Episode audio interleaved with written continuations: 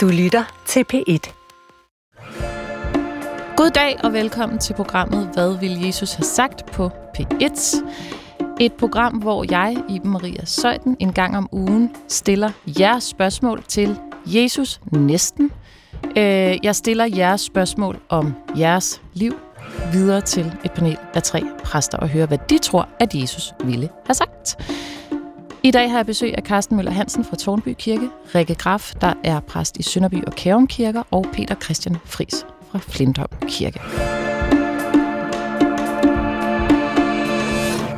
Du kan altid sende dit spørgsmål ind på jesus og hver morgen så kan jeg ikke dy mig for at logge på, selvom det faktisk er en længere proces, når man har en DR-computer. Det tager virkelig lang tid.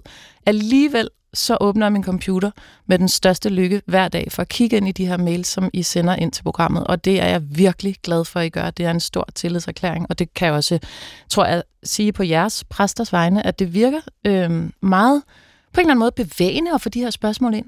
Rikke? Mm, absolut. Jeg synes, det er meget generøst at øh, dele de livserfaringer, man har, øh, så andre kan spejle sig i dem, og række ud efter øh, hjælp eller øh, andre perspektiver på det sted, man står i livet. Mm. Det er det, der er meningen, at vi lever livet sammen og ikke alene. Jeg har fået en mail fra en, der hedder Rita allerførst, som ikke er et spørgsmål, men hun skriver sådan her til jer. Undertegnet lytter med stor fornøjelse til jeres program. Men, men, men. Kunne I ikke sætte snakketempoet lidt ned?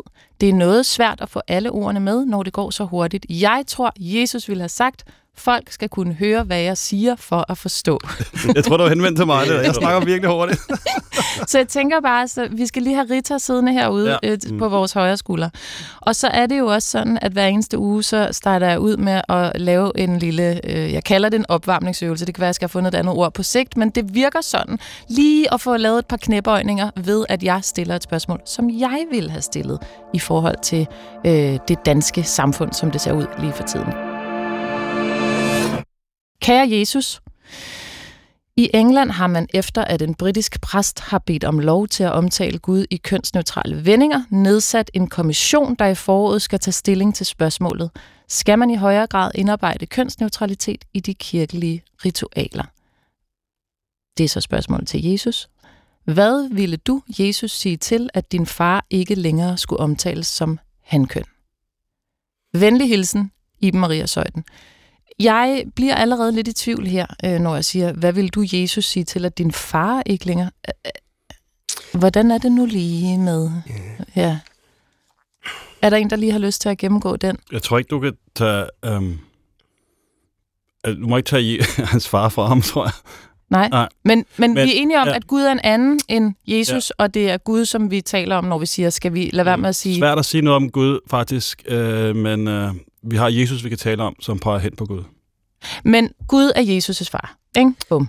Jo, i vores terminologi, ikke? fordi vi skal jo, vi er nødt til at bruge nogle genkendelige billeder for at kunne beskrive det, vi ikke kan beskrive, som Carsten siger. Det er lidt, vi ved om, om Gud. Mm. Så vi er nødt til at gøre os nogle billeder øh, øh, på Gud. Øh, jeg synes, det er super, jeg synes, det er super relevant øh, ind i vores tid, og det er ikke fordi, øh, jeg tænker, man skal have en, en, en, øh, et, øh, en, en queer-Gud. Øh, fordi på den ene side, så er spørgsmålet, diskussionen overflødig, på den anden side er den super relevant. Den er overflødig i den forstand, at Gud er ikke en mand, han er heller ikke en kvinde. Fordi mennesker er kvinder og mænd. Gud er Gud, Gud er ikke noget menneske. Mm. Så han er hverken mand eller kvinde. Øh, men vi er nødt til at bruge nogle billeder på det. Det har vi så også gjort historisk set med, med Gud som, som, øh, som far, for ligesom at understrege den særlige side af Guds væsen, og den tilknytning, der var mellem Jesus og, og Gud. Okay, men, men, men, øh, men det, man skal være opmærksom på, det er, at, at øh, der er jo nogle mennesker, som har det vanskeligt ved at associere sig med et øh, køn, og der er også øh, mennesker desværre, som har et ret belastet øh, forhold til faderbilledet, fordi de selv har, har oplevet en far, som, som, som var en øh, skidt far. Og det kan jo måske være en barriere for dem, mm. øh, i forhold til deres gudsbillede, i forhold til deres øh, gudstro. Så jeg synes, at det er en vigtig øh, diskussion. Jeg synes, det er fint, at man bruger nogle andre. Øh, øh, man kan, for min skyld kan man godt sige hun om, om, om, om Gud. Det vigtige er bare at, at, at, at huske på, at, at Gud er hverken mand eller kvinde. Gud er Gud. Jeg synes, det er meget øh, rammende, i hvert fald forstår jeg det umiddelbart, når du siger det her, Peter Christian Fris, med at det er både overflødigt og vigtigt at tale om på samme tid. Overflødigt på den måde forstået, at Gud jo er ikke et menneske, øh, og dermed heller ikke et køn. Øhm, så det, så det, det findes slet ikke, det her spørgsmål. Og så samtidig er det jo meget væsentligt, fordi det findes jo så åbenbart ude i kirkerne. Mm. Og der vil være øh, nogen, vi ved ikke hvor mange, der føler sig afstødt i kraft af, at Gud er en mand, eller Gud er en far. Altså det her ord far, Karsten, det er der også... Ja. hvordan føles det som præst at stå og tale om en fader? Jeg er en af dem, der er bedst til det, faktisk. Altså, altså det ved ikke, det er sådan... Det, det, det er ikke det billede, jeg har i mit eget hoved, faktisk. Jeg ved godt, jeg siger det her. Der er ikke noget problem med at sige det, men, men det der ord far, det ligger bare meget nær til min egen far, synes jeg. Det bliver noget, det var sådan noget, jeg kaldte på, da jeg var barn. Så det er for privat? Jamen, nej, ja, nej, jeg synes, det bliver lidt indimensionelt, faktisk. Um, sådan sådan en far, der kan lave sådan nogle far-ting. Altså, ja, altså, det så, så kan han gå ja, altså, ja, det er også meget fint at have en far, men det er også ret fint, hvis han kunne være uh, noget mere end det. Hmm. Uh, og for mig er han uh, mere end en far. Kunne du finde på at, at arbejde helt bevidst med det her med at gøre det kønsneutralt? Din Nej, det, det kunne jeg faktisk ikke. Jeg synes faktisk, at diskussionen er god.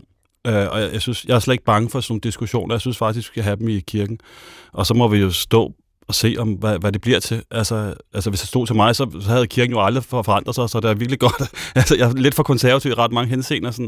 Men jeg kan faktisk godt lide, at det, som folk diskuterer, det skal kirken faktisk også diskutere. Jeg tror ikke, vi skal være så bange. Det er ikke sådan, åh oh, nej, hvad, skal nu, hvad, nu, hvad bliver Gud nu til? Mm. Altså, det, det tror jeg faktisk vi, skal være så bange for. Jeg synes, diskussionen er virkelig god. Og Gud kan holde til det. Jeg vil også ja, bare lige sige, jeg, jeg synes faktisk, at den her kommission, når jeg sidder og læser de her artikler øh, fra England, at det virker faktisk, som om de også byder diskussionen virkelig velkommen. Ja. At de siger, jamen det har vi diskuteret i årtusinder, og det er da på høje tid, at vi lige får taget den diskussion igen, Peter Christian. Altså, jeg siger jo selv øh, far om, om, om Gud, og har nogle gode øh, øh, billeder på det, men det, man også bare skal huske på, det er, at, at hvis man hvis man lidt øh, for nidkært øh, klikker det maskuline på Gud, så øh, taler du samtidig også ind i vores egen patriarkalske kultur, øh, som har været meget øh, både patriarkat derhjemme, men jo også op gennem historien. Øh, og og øh, så hvis du fastholder det mandlige, øh, Gud som det mandlige, så køber du også ind på hele, øh, øh, øh hele historien og hele patriarkatet. Mm. Øh, så det skal du ikke gøre. Men man skal bruge det billede som, som, som øh, som hvad skal man sige, er, er, er given i forhold til en, ens egen øh, øh, gudsrelation. Mm, så der er noget at hente i et ord som han eller far, hvis det kan give nogle gode associationer. Man skal bare huske at afkoble det. Hele den historie, der fulgte med, at Gud var en maskulin eller en mandlig figur ja, i sproget. Ja, og paradokset bliver jo, at, at, øh, at jeg siger far om Gud, og ikke fordi jeg tror, han er en mand, men det, det er det billede, øh, mm. øh, Øh, øh, jeg bruger. Hvis, hvis jeg så tvang mig selv til at sige hun, eller, eller, eller, eller den, eller, så vil det faktisk, lige pludselig, og det paradokset, så vil det blive en, et kunstgreb, og så ja. vil jeg faktisk selv gå ind i en diskussion om Guds øh, øh kønsidentitet, som er overflødig. Den er for jordisk? Mm, ja, den er jordisk, øh, så, så det er lidt sådan paradokset. Ikke? Okay, men må jeg bare sige noget? Jeg tror, man kunne skrive nogle super fede prædikner, hvis man bare går fuldstændig udenom sproget, altså udenom, om, udenom de kønsdefinerende dele af sproget. Jeg tror, at man automatisk vil åbne ideen op om, hvad Gud kan være endnu mere op. Men, det, men, det, men jeg er ikke præst. Rikke, vi skal se at komme videre, men du får lige lov til Jamen, jeg tænker netop, det relationelle øh, er vigtigt for mig. At nu, nu siger du, Carsten, en man ja. kan kalde på. Og ja, det er jo lige præcis det, at der er en Gud, som er øh, nærværende. For mig er det maskuline forbundet med øh, det udtryk for tryghed. Altså en, der kan beskytte mod fjenden, øh, det stærke. Det er det, som jeg forbinder med det maskuline, mhm. positive. Mm-hmm. Det må man gerne tage lidt op, synes jeg. Øhm, og det her med at gøre sig billeder af Gud, det bliver vi nødt til, fordi Gud er udgrundelig. Vi, kan ikke, vi ved ikke, øh, han er ikke han er uden over køn, som vi siger. Men øh, det er tit blevet sådan lidt udskammet, at man gør sig et billede af Gud som den her gamle mand med det lange øh, skæg på en sky i himlen. Men for så vidt synes jeg, det er et godt billede mm. af Gud. Vi har Michelangelos øh, friske i det Sixtinske kapel i Rom, hvor Gud øh, fremstår, ja, som gammel, klog, men som en stærk, altså det er en styrke, vi har der, hvor han mm. med verdens skabelse, ikke? han rører vi. Øh, men der var der så at sige, jeg synes altså selv, at jeg er ret meget klogere end mange gamle mænd. Jeg synes selv, at jeg er stærkere og, og federe og mere tryghedsskabende end virkelig mange gamle mænd. Ja, men øh, nu taler vi om Gud, og Jesus var ikke våg. Altså, han siger fader, hvor han siger et sted, øh, jeres hjerte skal ikke forfærdes. Øh, tro på mig, tro på jeres Gud. Jeg er vejen, sandheden og livet. Ingen kommer til Gud, undtagen ved mig. Altså, fader, hvor det, det skal ikke ændres, det er sådan, det er. Mm. Øh, den betegnelse fungerer jo, øh, fordi vi skal forstå, at her er der... Men, men nu er det jo ikke nogen hemmelighed, at der kan godt være flere mennesker ude i jeres kirker. Jeg ved, der er plads på kirkebænkene. Det er ikke fyldt op hver eneste søndag. Lad mig bare sige det på den her måde. ikke? Og der er plads til din øh, og din og din, Kassen og Peter og Rikkes øh, oplevelse af Gud. Men måske vil der komme flere i kirken, hvis de føler, at de ikke først skal sige god for, at deres ypperste øh, forbillede og herre her i livet er en gammel mand. Og jeg håber ikke, at jeg på noget som helst tidspunkt... I Ej, du er måske faktisk en af, en af dem her i studiet, der siger det modsatte. Jeg er ret sikker på, at jeg ikke har givet folk øh, ja. anden. Jeg kommer til at tage dig til indtægt for noget, du ikke har sagt. Ja. Så Men, bare Rikke og Karsten. Ja, ja. Det, det her med den gamle mand, det er jo, det er jo, der jo findes utrolig mange gudsbilleder, og, og, og når jeg siger, at det er, altså hvis du beder konfirmander om at tegne Gud, så tegner de meget ofte en gammel mand på en sky i himlen. Og for så vidt øh, er jeg træt af, at man nedgør det billede, ja. øh, fordi der er mange gudsbilleder. Der er også et billede, hvor Gud øh, er den her øh, mor, der ikke forlader sit dine barn. Det er også et smukt billede. Vi, skal, vi har så mange gudsbilleder, og det er et af dem. Ja, og det skal have lov til at og det skal have lov til at være der. Ja.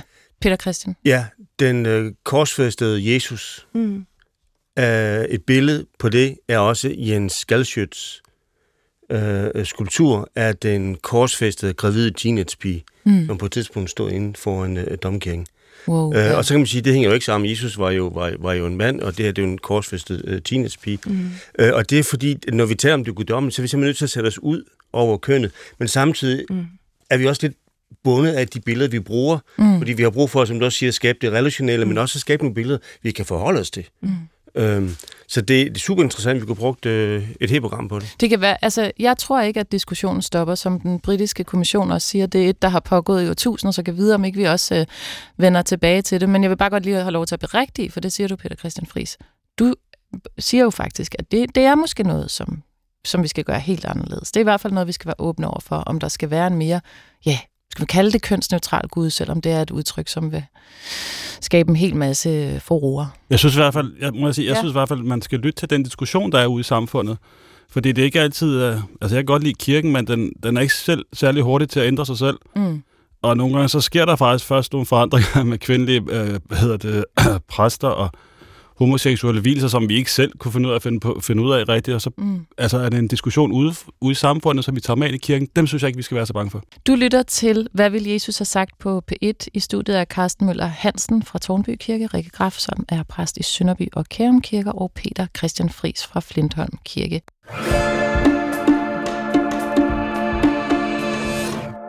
Du kan skrive ind på jesus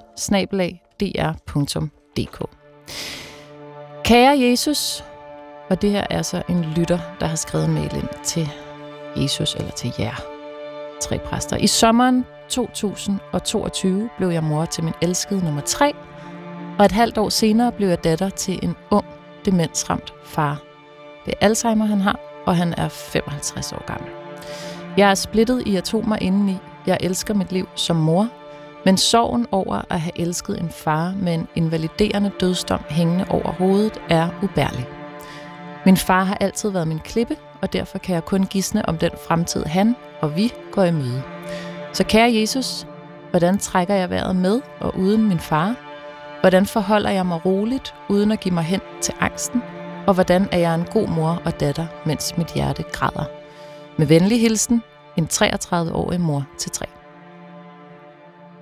Jeg er ikke præst, men det sprog, som hun skriver i her, det er så klogt, synes jeg. Hvordan trækker jeg vejret med og uden min far? Han er der stadigvæk, så hun skal trække vejret med ham, men hun er også nødt til at trække vejret uden ham. Både fordi, at han ikke er helt sig selv, måske, og i hvert fald i højere grad i fremtiden, vil blive mindre og mindre sig selv. Og så nævner hun noget, som jeg tror er meget øh, præsent for rigtig mange forældre. Hvordan forholder jeg mig roligt, uden at give mig hen til angsten? Altså, hun siger også noget om, at angst, det er noget, der kræver, at man aktiverer sig selv for at holde den fra døren. Så hvordan kan man være rolig, uden at give sig hen til angsten? Og når der så samtidig står tre børn og kigger på en, hvad vil Jesus have sagt? Rikke, hvad tænker du, at vores lytter her øh, kunne få ud af at kigge i Jesus' retning? Jeg kommer til at tænke på et øh, sted, en scene i det nye testamente, hvor Jesus har sendt sine disciple ud på søen, hvor de sidder i en båd, og Jesus han går selv op på bjerget og beder, og langt senere i den fjerde time, der kommer han selv øh, ud på søen til sine disciple. De sidder i båden, der er stor storm, bølgerne slår øh, mod båden, og da han nærmer sig båden, så øh, bliver de bange, og Jesus siger til dem, øh, frygt ikke, det er mig. Og Peter siger til ham, herre, hvis det er dig, så sig, jeg skal komme ud til dig på vandet. Og Jesus siger, kom. Og Peter går ud af båden. Og pludselig så bliver han ramt af frygt og angst, fordi han ser stormen, hvor stor den er, og så begynder han at synke. Og så råber han, herre, øh, frels mig. Og Jesus griber ud og griber fat i Peter og får ham op i båden. Og så siger Jesus til ham, Peter, hvorfor tvivlede du? Underforstået, jeg er jo lige her. Jeg forestiller mig, at den kvinde, som vi hører om her, oplever, at fundamentet under hende, eller jorden skrider væk under hende, at hun er bange for at blive revet væk, revet ned i angsten. Øh, og det her, Jesus siger, jeg er lige her. Altså, når angsten griber os i den ene hånd, skal vi gribe ud efter Gud med den anden. Det tror jeg, han vil øh, minde hende om, at han er lige der. Øhm, så lægger jeg mærke til... Så bare lige, det betyder mm. i virkeligheden, at hun... Jeg tror, at det jeg hører, hun skriver, er, at hvis hun giver slip eller giver sig hen til den situation, der er, så er hun bange for, at hun bliver slugt af bølgerne. Ja, hun simpelthen forsvinder for sig selv. Hendes far vil forsvinde, ikke? Mm. Vi ved, at han forsvinder for hende på en eller anden Ja, måde. eller hendes angst. Hvis eller angsten, hende. ja, ikke? For at miste. Så hun skal i virkeligheden se, hvad der sker, hvis hun slipper kontrollen med, at hun... Ja, håbet ligger i, vi, vi har så travlt med at sige, at vi er kaptajn på vores eget skib, og det er noget sludder. Vi skal lade Kristus være kaptajnen, for han fører os sikkert i havn. Altså tilliden til, at de dage, der kommer, øh, altså de må bringe, hvad de bringer, men hun, hun, hun skal leve i det øh, sproglige og, altså hun siger, jeg øh, er lykkelig for mit barn, men, eller for mine børn, ja. jeg har et rigt liv, men min far er syg. Hvis hun nu siger, og min far er syg, så er det ikke to gensidigt modstridende mm. ting. Så er der plads til begge dele. Mm. Og det tror jeg skal være hendes øvelse. Øh, så får hun mentale kræfter til at være i de øjeblikke, som tilværelsen nu bliver for det øjeblikke. Altså, før har hun kunne lægge fremtidsplaner med sin far mm. og faren i hendes liv. Det kan hun ikke længere på samme måde, for hun ved, at han kommer til at forsvinde for hende. Den tid, som har været, vil, det vil forandre sig nu. Øhm, så de mentale kræfter, hun har, skal hun bruge til at være i de øjeblikke, der kommer. Mm. Så i stedet for at bruge kræfter på at holde angsten og frygten for mm. døren, mm. så skal hun slippe, og så skal hun være i det, der kommer og er, og stole på, at hun vil blive båret. At hun bliver grebet og båret, ja. Fordi hun kan gisne og gisne om, hvad der kommer, uden at blive klogere på det. Øh, øh, det er ikke i Guds hænder, kan man sige. Ikke? Hun mm. må, øh, Øh, hendes kræfter slipper op her. Mm. Peter Christian? Ja, jeg tænker, at Jesus vil sige til hende, at, at husk at være der, hvor du er, når du er der. Øhm, det minder lidt om, om en, en sådan lidt, måske lidt tvistet Martha Maria, ikke? Altså, Maria, som har forladt køkkenet øh, for at lytte til, hvad Jesus siger. Og Martin... det, må, det, må, det må, fordi jeg altid tænker, Jomfru Maria, hvad? Nej, det er to, øh, ja, der, det, der er mange Maria. Du bliver nødt til at tage, du er faktisk nødt til at tage den næsten forfra. To søstre, Jesus og disciplen er på besøg. Der skal laves mad. Martha står ude i køkkenet og øh, laver mad. Kunne godt øh, bruge øh, øh, Marias hjælpende hånd, men hun sidder inde og lytter til, hvad Jesus siger. Så kommer Martha ind og øh, beklager sig til Jesus og siger, kan du ikke lige bede Maria om at komme ud og hjælpe mig? Mm. Og hvor Jesus så siger, at øh, du gør dig mange bekymringer, Maria har valgt en god del. Mm. Altså hun har valgt at være der, hvor, hvor, hvor det er. Og jeg tænker, at, at, at, at moren her, hun prøver ligesom at være begge steder på én gang. Altså hun er både i køkkenet mm. det praktiske, men hun vil også gerne lige være og høre, hvad Jesus... Hun er øh, både mor og datter. Ja, ja og, og i den situation, hun er i, så kan hun ikke være begge steder på, øh, på én gang. Uh, altså vi står ikke og har en, en snak over opvasken. Vi er ligesom to steder. Mm. Så jeg tror, Jesus siger til hende, vær der, hvor du er, og vær, så kan du være der fuldt ud. Det vil sige, vær fuldt ud, når du er sammen med dine børn. Mm. Men du skal også have et andet rum, hvor du træder ind, hvor din, hvor din far er, hvor du kan lægge tingene bag dig, hvor du kan være der med din far. Øh, og at være der med din far betyder også, at hun skal hun er nødt til at kunne lægge øh, alle tanker omkring børn, og nu, nu, nu er de også alene, eller burde jeg ikke også være der, øh, og kunne lægge det fra sig. Mm. For det, hvis ikke hun kan det, så kan hun ikke være noget sted. Mm. Så prøver hun at være to steder på en Og gang. det, og det er jo sådan forældrevilkår, ikke? Det der med, så snart man får nogle af de- børn, så alt, hvad man ellers foretager sig, det, det er man splittet op imellem. Jo, jo, det er da super vanskeligt at være den. Jeg har jo godt forstå, at hun er, hun er splittet. Og så er der den anden ting i det, som er, når man får et barn, så øh, skærpes alle sanser, og det betyder jo så også, at den her sorg over hendes far, forestiller mig, den, den kryber endnu, altså det vil jo altid være en kæmpe sorg, men den får ligesom lov til, der er helt åbne sluser sikkert hos hende, når hun er nybagt mor, den får lov til at krybe meget, meget langt ind. Men altså i hvert fald så se, hvad der sker, hvis man lader sig, øh, hvis man går ud på havet, se om, om man bliver grebet, hvis hun slipper kontrollen med og prøver at finde ud af, hvilken retning skal det gå, hvordan skal jeg håndtere det, og så vær hvor du er. Når du Mm. putter dit barn, lig der, kun der. Når du hen hos din far, kun der, vær der. Hvad tænker du, Karsten? Altså, jeg, jeg synes, at mine to kollegaer har sagt nogle kloge ting. Jeg er ikke helt sikker på, at det siger de også selv, om man faktisk kan det, når man er der splittet i atomer. Øhm, Hvad lægger du i det udtryk? Splittet i atomer? Altså, ja, altså ikke, ikke kan trække vejret selv. Altså, man, jeg tror ofte, det man trækker vejret, som det, man sidder ved siden af. Og øhm, jeg, jeg, kan bare, jeg kan bare huske, min, min øh, kone ventede vores andet barn, da hendes mor fik konstateret kræft, uhelbredelig kræft. Og så fødte vi vores barn, eller min kone fødte barn altså, og moren døde ikke så lang tid efter. Og jeg kunne huske, jeg spurgte hende bagefter, hvordan kunne du være i det? Og så sagde hun, jeg trak vejret efter mit barn, efter vores barn. Altså, det var vejrtrækningen. Hun kunne ikke føle sin mors vejrtrækning, men hun kunne føle sit barns. Og så knudede hun det her barn ind til sig. Og så kan jeg huske, hun lagde barnet i sin mors arme. Og på en eller anden mærkelig måde, det var en ulykkelig tid på alle måder, og hun kunne slet ikke være lykkelig for vores barn heller.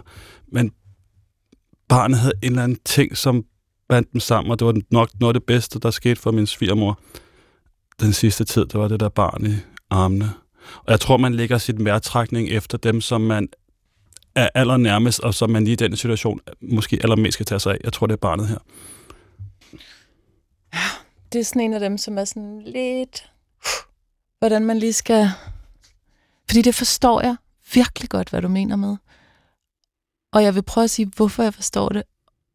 Og det er svært, for det er intuitivt. Ja, det var ikke et valg. Nej. Altså, det var, det var en overlevelsesting. Altså, det er det jo.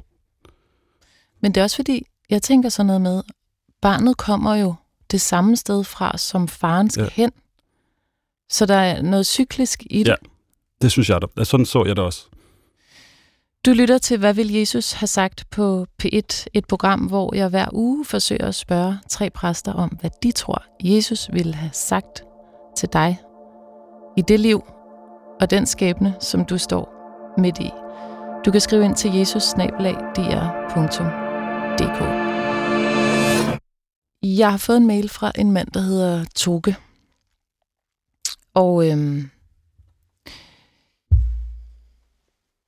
For nogle år siden, der mistede han sit barn, og det vil han forklare om lige om lidt.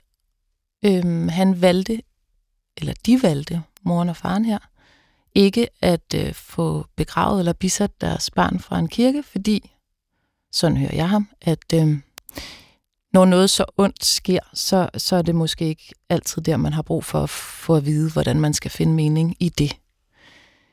Og nu er årene gået, og han har valgt at skrive ind til programmet, og efter han gjorde det, der, øh, der tænkte jeg, at jeg ville egentlig gerne høre hans stemme, så jeg har ringet ham op i stedet for, så nu skal vi møde Toge. Hej Toge, det er Iben. Hey. Hej, forstyrrer jeg er godt. Nej, det er fint. Nu er jeg fuldstændig klar og lukke døren, så der ikke kommer nogen og sådan noget. Måske du kan fortælle, øh, Ja, hvorfor det var, du, du skrev. ja. Jamen, øh, det er jo fordi, at vi... Øh, jamen, vi jo mistede vores søn for fi, faktisk meget præcis fire år siden øh, til sådan en uhelbredelig hjernetumor, som som, øh, altså, som egentlig har... Det specielle er, at, at den har 0% overlevelse. Så det er faktisk en, øh, altså en, en dødsdom fra dag 1. Øh, øh, hvilket jo ellers er andre krafttyper er, er, er sådan noget, man måske overlever, man måske gør man ikke. Mm. Øh, men det her var, var simpelthen nul. Altså alle børn i hele verden, de overlever ikke med det her.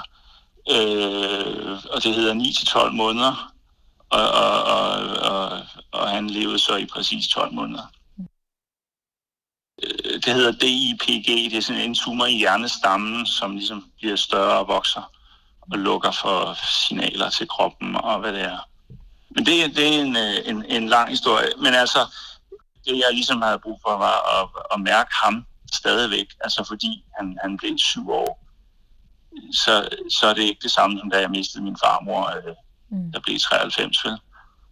Øh, så, så, så det er sådan et perspektiv, altså på ligesom at holde ham i live på en eller anden måde, øh, øh, med tankerne, og øh, hvor er han henne?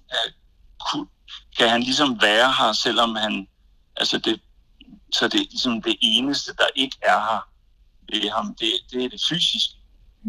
Men, men ja, man kender ham jo så godt, så, så ja, man kan ligesom øh, stadig mærke ham og, og høre, hvad ville han have sagt nu, og en eller anden tilstedeværelse, og måske drømme om ham. I princippet kunne han jo stadig være her i det, han så havde været øh, 11 år i dag.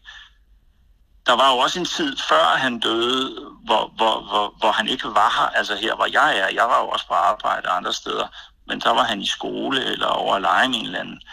Så derfor kunne man også sige nu, at han er ikke her, men han, han ligesom er i, i, hos en familie i Australien. Mm. Det er derfor, han ikke lige er her. Han har, han har så bare været væk rigtig lang tid, men altså ligesom hans, hans det er også en langt ude tanke, men altså at han ligesom er her. Fordi der var også en gang, altså før, før han blev født, der var han her jo heller ikke. Altså alle forældre er jo altid bekymrede for deres børn. Men nu, nu er det så sket for os. Og så, øh, så vil... Ja, altså, nå, nu tager vi lige tråden. Men det er også mig, der ja. taber lidt tråden, vil jeg sige, fordi det er også bare, ja, jeg kan ikke forstå, hvordan jeg har overlevet det faktisk. Nej, men altså, vi har aftalt, at, det, at, at vi måtte gøre det her sammen. Har det været sådan, at du nogle gange har lejet den leg ind i hovedet, at han var et andet sted fysisk på planeten Jorden? Ja, ja, men altså, det, det har været en, en, en måde, så giver det lige sådan, åh, oh, jamen, han er, han, han, han er her jo. Altså, det var, ja. det var den der følelse af at lige, nå, jamen, der var jo også en gang, hvor han, eller da han levede, men hvor han ikke lige var her. Altså lige her, fordi han var lige i skole, eller... Ja. Øh, så det er bare den der lille bitte fli, altså fordi, øh, altså hvis man kan tænke det, så findes det. Ja. Øh, så, altså det er der ikke nogen, der kan stoppe mig i. Så hvis jeg bare kan hænge mig i, i det mindste lille et eller andet øh, lommefilosofiske tankemål, så, så er det det. Og, og der øh, tænkte vi så også, hvordan, fordi jeg er ikke øh, så øh, bibelkyndig, øh, men hvad, hvad vil øh, Bibelen eller, eller øh, en præster sige, at, at man, man kan gøre i det at, at miste øh, et, øh, sit barn? og, øh, for ligesom at altså, kunne, kunne det give en form for hjælp eller øh, tanke, fordi jeg vil gerne udvide øh, ligesom min horisont, altså det er nærmest det eneste, jeg tænker på, hvor, hvor er han, og øh, øh, hende øh, for mig, så jeg ligesom har ham. Og det er det, man siger, man ligesom, man, altså man, man, man kommer ikke over det, øh, sorgen, men man har ligesom den døde med man har det med, fordi det bliver aldrig, det, altså det går ikke væk. Og, og, og jeg er heller ikke interesseret i faktisk jo, at det går væk, ligesom øh, hvis, hvis der var en, anden, en eller anden stor ting i, i ens liv, som nej, men det, det tog så tre år at komme over det, at et eller andet. Men altså det her vil jeg jo faktisk ikke, det, det skal ikke gå væk. Jeg vil jo altid tænke på ham. Øh, så det, det var egentlig den vinkel, øh, jeg gerne ville, ville høre lidt om fra, fra øh, hvad kan man sige, ja, hvad, hvad, hvad ville Jesus have sagt til mig, ja, det jeg føles gøre? Så, det føles underligt, når man ikke er sådan dybt religiøs, ligesom det der med at sige, hvad ville Jesus have sagt, ikke? Ja, ja, og det er egentlig en super, øh, altså meget øh, direkte, øh, når hvad ville Jesus have sagt? Det her er programmet Hvad vil Jesus have sagt på P1, og Carsten Møller Hansen, Rikke Graf og Peter Christian Fris er i studiet i egenskab af deres arbejde som præster.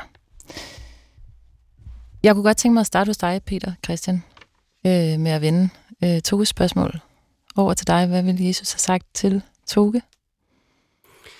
Jeg tror, Jesus vil starte med at sige, at, øh, at øh, holde fast ved troen på den kærlighed, der er større end alt, større end menneskers kærlighed, stærkere end alt, stærkere end selv døden, nemlig Guds kærlighed øh, til os, som er så stærk, at den er stærkere end selv døden. Og det er vi svært ved at begribe, det kan vi ikke forstå rationelt. Vi kan ikke forstå Gud rationelt eller logisk. Øh, men vi må gribe det, øh, så det kan bære os. Øh, og at bevare troen på, at, at, øh, at hans øh, søn øh, nok er væk i den virkelighed, vi kender til, men er i en virkelighed, som Gud kender til. Så han er her stadigvæk, men ikke her hos os. Og så vil han sige, men nu skal du høre her, Toge, du skal leve som han stadigvæk var her. Altså, Togo og hans familie er jo begyndt et nyt liv. Det gamle liv, liv endte, da deres søn døde. Ikke? De, er, de skal ikke øh, komme over det øh, øh, øh, og, og, og, og, og leve med det. Deres liv ophører. Men de kan begynde et nyt liv. Man mangler de ting fra det gamle, men de begynder et nyt liv. Og en af de nye liv skal de jo bære deres, øh, deres, deres søn med. Og det skal de gøre med nogle naturlige hverdagsting. Så nu er det fire år siden, han døde, så han mm. har... Øh, Toge siger ikke, om han havde, om, om, øh, om, om drengen der var den ældste, eller... Det er han. Så han har fået nogle søskende efter. Han havde en lillebror også på det tidspunkt, som skulle i vuggestue. Det fortalte han mig. Han skulle i vuggestue mandagen efter, at han var blevet begravet, storebroren, i weekenden. Så han har været der hele tiden, lillebroren også, og har været et incitament til at fortsætte livet. Ja, det kan jeg godt forstå. Ja. Og nu er det selvfølgelig nogle år siden, så der kan godt være nogle ting, de ligesom har skilt sig af med. Men hvis der stadigvæk er nogle ting, øh, som, øh, som, som storebror har brugt, og som lillebror øh, snart skal til at bruge en flyverdragt eller noget andet tøj, så, øh, øh, så, øh, så skal lillebror bruge det, og så skal han høre, skal høre, det var din storebror, så nu er den har også gået i, og de her bukser, der gennem noget legetøj, øh, hvis ikke de har skilt sig af med det, som var hans. Mm. Så på den måde kommer der en naturlighed. Øh, så så storebror bliver i forældrenes øh, erindring, men jo også i sin lillebrors erindring, som ellers ikke har nogen øh, bevidsthed om sin storebror. Mm. At han lever videre i de ting, de gør, i nogle fortællinger. Øh, have et billede, øh, som, som, man, øh, som man kan sige godnat til. Øh, mm. så, det, så det bliver sådan en hverdags naturlighed. Og så, øh, så kom, øh, kom livet i hu, når storebror har fødselsdag. Mm fejre hans øh, fødselsdag med en lille kage, eller med et flag, eller gå en tur og spise en is. Øhm, og, øh, og på hans, øh, på hans, øh, på hans dødsdag, så han ned på, på graven, holdt en mm. piknik, øh, inviterer venner med. Fordi på den måde, så lever han jo videre i deres, i deres erindring, men jo også i deres hverdagsliv. Mm på en, på en naturlig måde, ikke? så ikke det bliver... Og, og man kan sige, det, vi ved jo ikke, om Toges familie i forvejen har gjort det, men, men i hvert fald kan det her med at leve videre som om, at barnet stadig var der fysisk, det kan måske give en lille følelse af noget godt eller noget trøst. Fordi, som Toge jo også selv siger, han leger jo faktisk den her leg med at sige, jamen det kunne også bare være, at han var i skole. Og hvad er forskellen på at have mistet og så på, at barnet er i skole. Den helt fysiske forskel er jo den, at han ved, at han ikke kommer tilbage.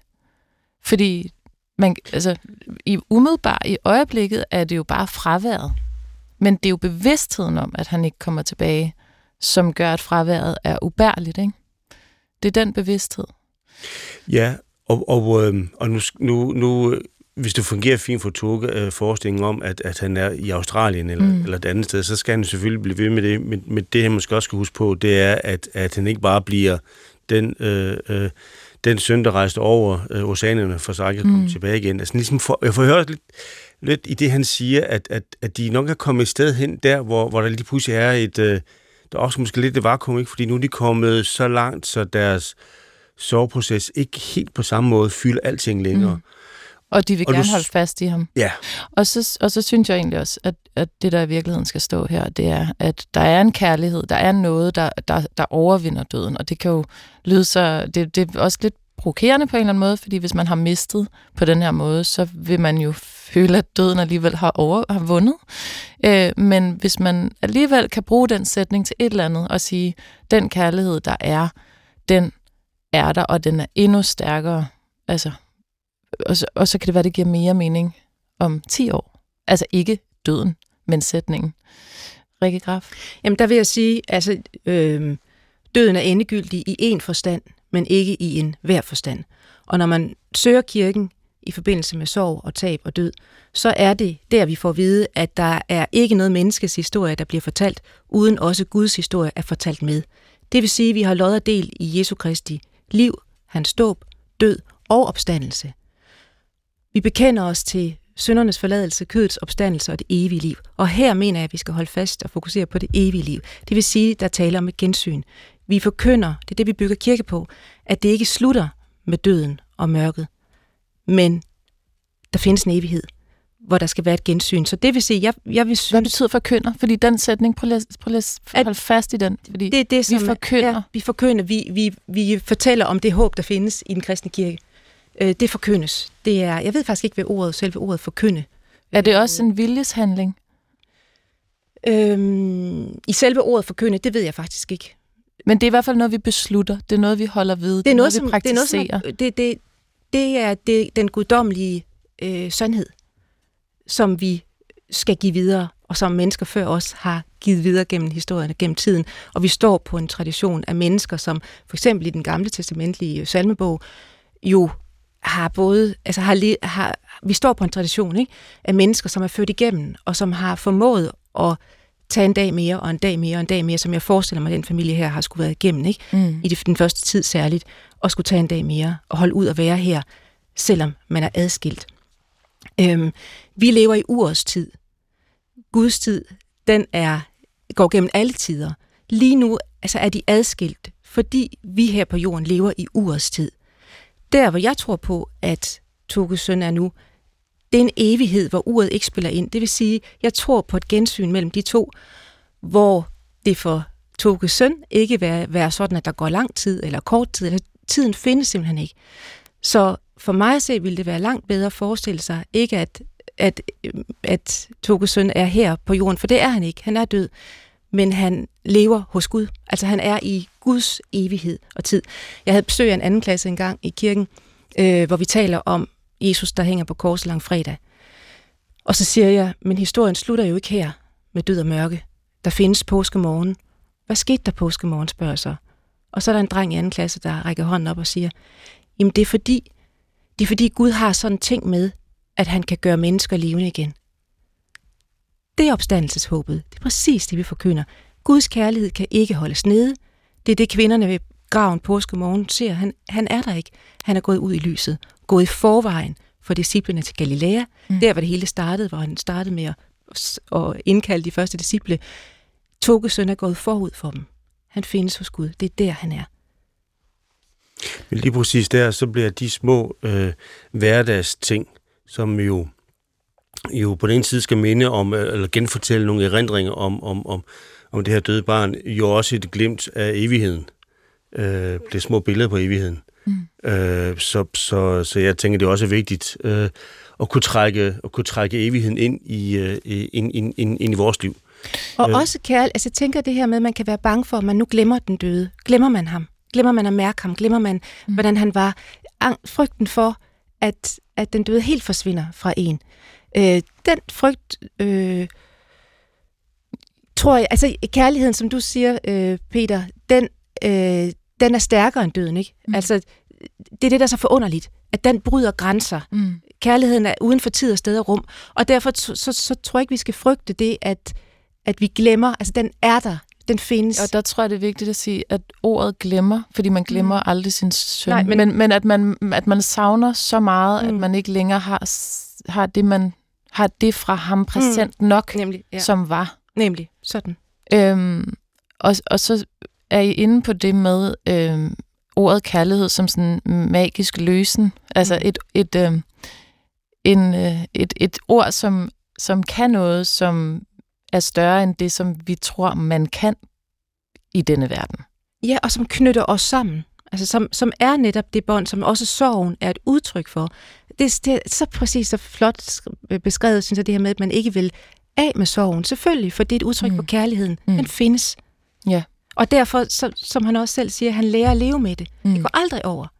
Og så nævner du de kvinder, der står og kigger ned i graven og tænker, hvor er Jesus? Og det er jo, mm. det, de, de måtte jo så bare sande, at det, som man er i stand til at forestille sig, øh, det kan godt findes, selvom at man ikke havde regnet med, at han ikke skulle ligge i sin, i sin grav. Mm.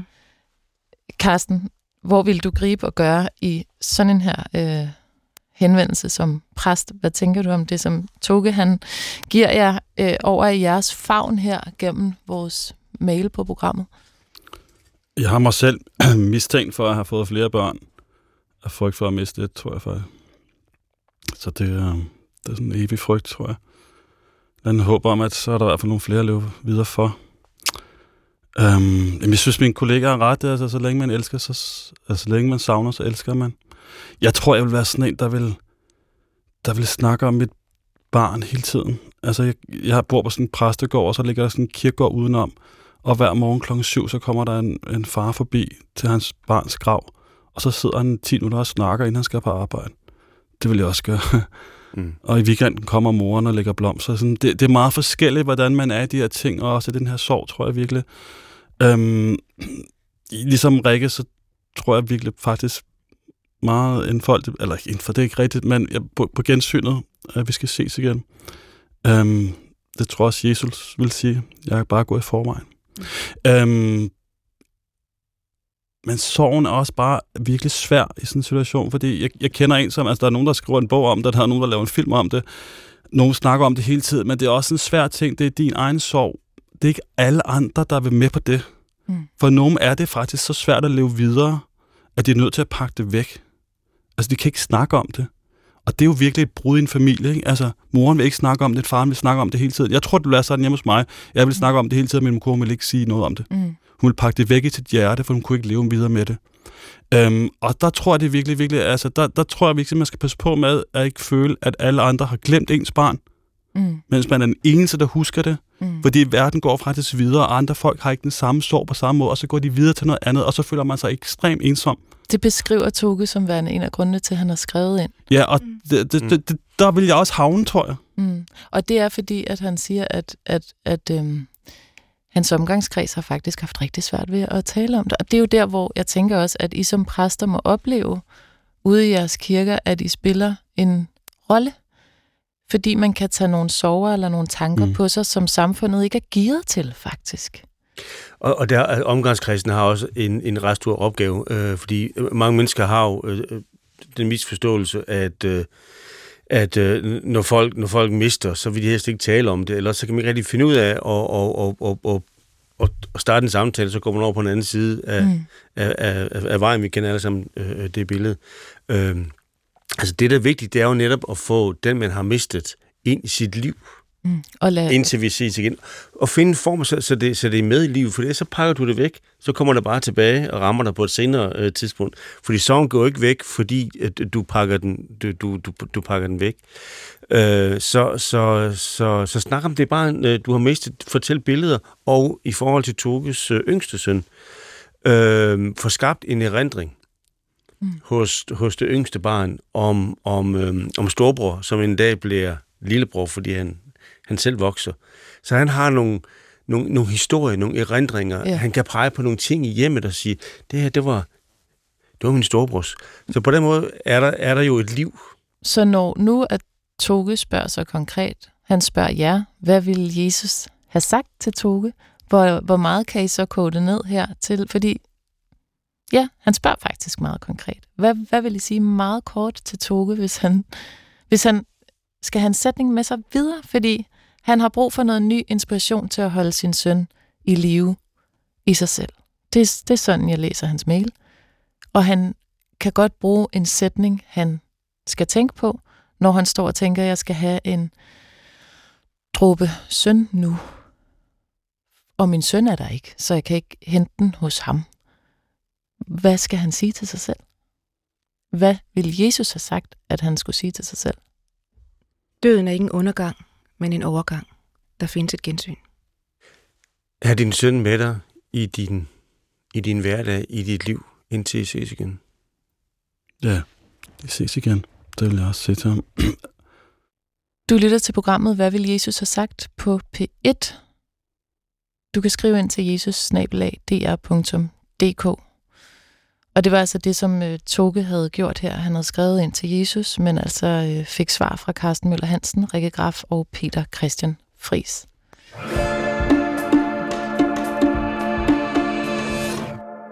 Nu skal vi øh, ringe en lytter op, som også har skrevet ind på mailen med et fuldstændig andet spørgsmål. Hej. Hej. Jeg skal, jeg skal lige være helt på det rene. Altså, det er Iben og Jesus og præsterne, der ringer til dig nu. Ja. Og du har skrevet ind til jesusnablag.dk øh, med mm-hmm. et noget jordisk spørgsmål, vil jeg sige. ja, det kan man sige. Ja. Prøv at forklare øh, præsterne og lytterne, hvad det var, du tænkte, at du ville have Jesus med på råd omkring.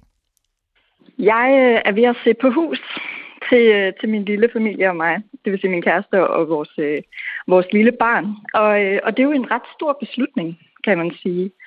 Så øh, og i den forbindelse, så øh, det fylder virkelig meget, synes jeg, øh, det her med huskøb. Og jeg befinder mig ret meget inde på, øh, på boligsiden øh, og googler alle mulige ting, der har med, med huskøb at gøre. Det er nogle gange sådan lidt en, en besættelse, synes jeg. Men så samtidig med, at jeg googler de her ting, så øhm, har jeg sådan på den ene side, at jeg øh, har tendens til at falde for de her sådan, lidt gamle, charmerende, men også huse, der trænger til en virkelig kærlig hånd. Øh, og vi har ikke nogen øh, håndværkskundskaber, hverken min kæreste eller mig. Og på den anden side, så har jeg sådan en fornuftens stemme i hovedet, der siger, ej, find nu en fornuftig bolig med gulvvarme eller et eller andet i et børnevenligt kvarter, og der er lige til at overskue og flytte ind i. Altså sådan den praktiske løsning. Mm. Så jeg sådan, øh, vakler lidt imellem det her med sådan huse, hvor der er plads til at, at drømme og øh, sætte sit eget præg, og så den mere sådan praktiske, øh, fornuftige husvalg. Og det er, det kan være, at jeg lige skylder at forklare dig det, fordi vi har, vi har siddet og haft en sådan virkelig, øh, på mange måder sådan meget tung samtale om, et, om en far, der også der har mistet sit, sit barn, og også har skrevet ind øh, til programmet. Og det er ligesom sådan, det er virkelig, sådan, øh, det er virkelig et, et tegn på, hvor forskellige steder vi kan stå i menneskelivet, når, når jeg så hører om dit spørgsmål her, og jeg, og jeg er ret vild med, at du skriver ind, men hvordan kan det være, at du, du øh, opsøger Jesus' råd i den her sammenhæng? Hvad var det der? Hvad var det? ja, øh, jeg hørte programmet, og så tænkte jeg, han er den rette at spørge. Ja. Øhm, ej, øh, Hvem det ellers? Han ja. ej, øhm, ja. Jeg, jeg tror bare, at jeg synes, at det også det bliver på en måde. Jeg ved godt, det virker øh, øh, ja, lidt, lidt småt måske, men, men det føles som en, en stor beslutning, og en, der, øh, der også på en måde er lidt eksistentiel, fordi man ligesom skal tage stilling til, hvad er det, vi skal have plads til? Øh, så i bund og grund, så er mit spørgsmål også bare, hvad vil Jesus råde? Hvad vil han synes var vigtigt? ind på boligmarkedet. Ja, hvad, hvad vil han synes var vigtigt i et familieliv i virkeligheden? Ja, ja. Det giver god mening. Og det er der, hvor du ser et lidt spørg- større spørgsmål i det, kan man sige. Det er det her med, hvad er det, vi skal som familie? Hvad er det, der skal være plads til i forhold til den måde, vi vælger at leve på? Ja, lige præcis. Gro, tusind tak, fordi du skrev ind til os, og så bliv hængende og hør, hvad præsterne kan få ud af din mail. Jamen, velbekomme. Jeg glæder mig meget til at, at høre svaret. Det er godt. Ja, Rikke og øhm, Karsten og Peter Christian, jeg tænker, det her, det må være det, det skift, der lige er foretaget her i programmet, det må være, altså, jeg tænker bare, det der noget, man skal kunne som præst. Det her med at gå fra det ja. mørkeste mørke øh, til det fuldstændig lavpraktiske, som kan være at stille ekstra stol op til en gudstjeneste, eller finde ud af, øh, hvordan er det nu med våbenhuset, der skal renoveres, eller øh, hvad, hvad gør vi med ansættelsen af det nye øh, kirkekor, eller hvad end. Det er sådan, det er. Ja, og det er vel også, det er vel også okay? Ja. Er det ikke rigtigt? Jo, det bliver Absolut. også. Og det her, det er vigtigt for hende? Ja. Så, så det er der, vi er. Så hvor starter vi? For jeg synes, det er svært. Altså, jeg, jeg er vild med, at hun har skrevet ind. Jeg synes bare, det er sådan svært at komme Han, tilbage han på. havde ikke noget hus selv, Jesus, tror jeg. Og hvis Nej. han, hvis han havde et, så ville han have solgt det. Han vil ikke have det. Nej, at, at, at, han sagde selv alt. Følg mig. Uh, jeg tror ikke, vi skal være så radikale. Jeg tror, det er meget godt med et hus en gang imellem. Men uh, altså, at, det, det fungerer ikke, at hun ligger søvnløs om natten og spekulerer på det her hus. Nej, det flyttede hendes hus. I stedet for, at hun har flyttet ind i det, så er det Ja. flyttet ind i Ja, hende. fuldstændig. Det, det er overtaget, ja. og det var det, han var bange for. Jesus, han kunne godt se det der ting, vi, vi ender med at eje. Det.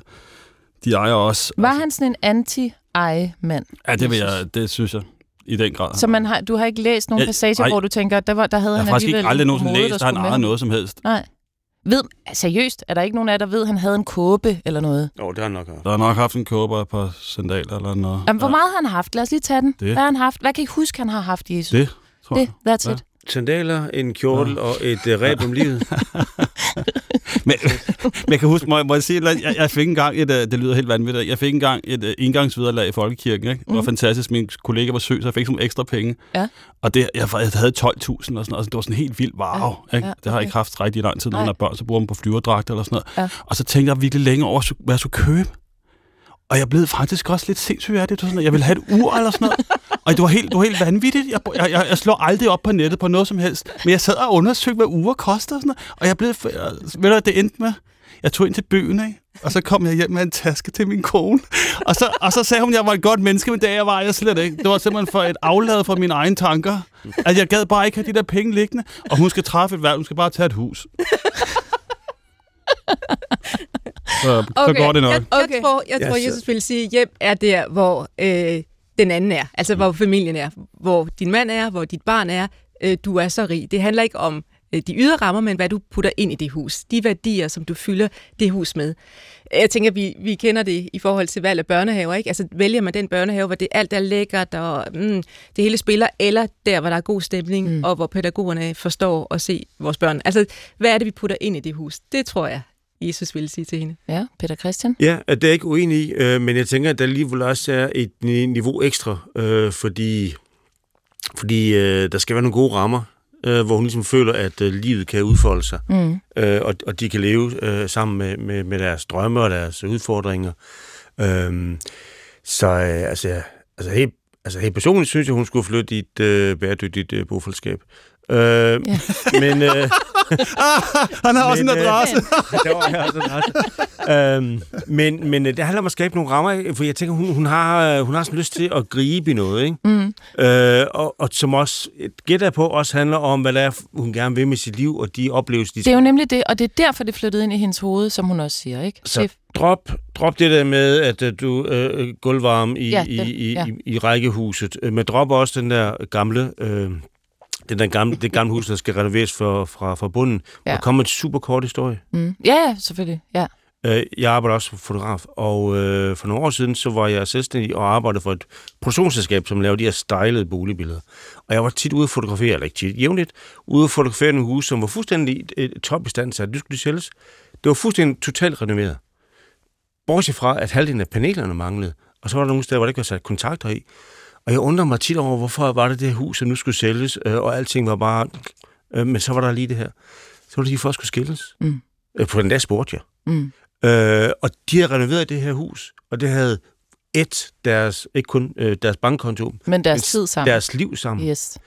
Og nu hvor de øh, ved vejs ende mangler de sidste fodpaneler og, og tre stikkontakter i køkkenet, men der var bare ikke mere i det. Og nu, nu siger du jo så, at det er fra den gang, du har, har været ude at se det hus. Men det tænker jeg, der også kunne være en ting, Jesus siger. Præcis. Brug din tid på din familie. Ja, og lad være med at kaste, kaste med glæde ud i et boligprojekt, men vær opmærksom på, at det skal ikke være et boligprojekt. Det skal være noget, I lever i sammen. Mm. Det skal ikke være et projekt, I skal stå igennem for at komme ud på en anden side, fordi så risikerer I ikke at gøre det. Men det siger også noget om, hvor svært et job I er på som præster, fordi det, man også kunne høre af hendes spørgsmål, som jeg hører, det er tilladelsen, tilladelsen til at tage en chance. Bum. Ja. Tilladelsen til at følge sin drømme og tage en chance. Hvordan vil Jesus forholde sig til det behov eller det øh, ønske at sige, nu, øh, nu vælger jeg at hoppe ud i det? Er han en, er han en risikovillig øh, fyr, Jesus? Det virker sådan. Ja. Altså, hvis han skulle have købt en af de to huse, så tror jeg, han havde købt drømmehuset. Ja. Jeg, jeg tænker, altså jeg har altid tænkt øh, på huslykke. Altså det er, vigt, det er også vigtigt for mig personligt at bo et sted, hvor jeg godt kan lide at være. Mm. Øh, så, så jeg, øh, hvorfor leger hun ikke? Altså hvis man sådan, det er helt lavpraktisk, man kan også blive lejer. Altså jeg tror ikke, mm. Jesus vil eje noget, men man kan jo øh, lege noget. Øh, og hun, det er lidt som om, det, er, det er sådan et helt stort... Vil Jesus lege, faktisk? Jeg tror ikke, lege han vil eje noget. Altså, Nej, det er også det, Carsten siger. Han ejer han vil øh, ikke en- gæste andre, men det kåbe er lidt et og langt nogle sandaler, og så lege sig ind. Ja, det tænker jeg. Men det fylder jo alt for meget for hende. Altså, Ja. Det fylder nemlig for det, meget. det, det, det, er det, der er problemet. Ja, altså, der er ikke, altså, det materielle er jo heller ikke i sig selv problemet, og pengene er heller ikke i sig selv problem. Det er, når man gør dem altså, til målet, og det fylder for meget. og det er ligesom øh, så kunne hun ikke bunden, være noget andet. Så hvad skal hun så gøre? Ja, hun skal få det overstået. Ja. Hvis træffe et valg, så kan hun komme hen til, de der, til Men som ikke familie. behøver at være afgørende for resten af hendes liv. Altså Ja, ja. lige nu, hvad passer til deres liv lige nu? Det er lidt den der, som den rige bonde i, i, i evangeliet, ikke? som mm. Har så travlt med at samle til håbe, øh, så han bygger en lade mere, så al høsten kan være der. Og så siger Gud, din tåbe, i nat kræver sit liv af dig. Mm. Altså, hvad er det, vi løber for? Hvad, du må lige forklare den til allersidst. Jamen, den- kort. jamen, Hvorfor her- siger, hvad, hvad betyder det, Gud Fordi siger? han, den bonde har haft så travlt med at samle til lade, mm. altså bygge den, øh, skabe velstand, mm. øh, og, f- og sidde der, og så kan det blive godt, og så kan det blive godt, og så kan det blive godt. Det er netop en forestilling om det rigtig gode liv, Ja. hun har for, foran sig. Ikke? Og, hvad, og hvad siger han så med det der om natten? Jamen, i nat kræves sit liv, er der, vi ved ikke, hvornår vi skal herfra. Mm. Det, det er nu, det gælder. Mm. Altså, hun er rig, hun har en mand, hun har et barn, hun er velsignet. Øh, mm. Brug tiden. Få det Ja. overstået, så du kan være der i nat, Ja. i virkeligheden, Ja. for hvem der måtte have brug det. for dig. Ja. Mærk taknemmeligheden over det, du har. Og så tag det som en, en, øh, et eventyr, men lad være med at lade det sluge din tid. Godt råd. Fokus er forkert, hvis man spurgte Jesus. Mm. Er I okay? Wow. Den gik hurtigt, den her udsendelse. Den er slut. Mm. Allerede? Altså, på uret skal jeg sige tak for i dag. Øhm, Peter Christian Friis, Carsten Møller Hansen og Rikke Graf.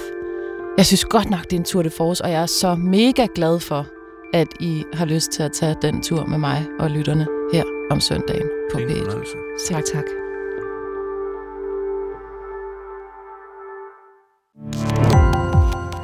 Gå på opdagelse i alle DR's podcast og radioprogrammer. I appen DR Lyd.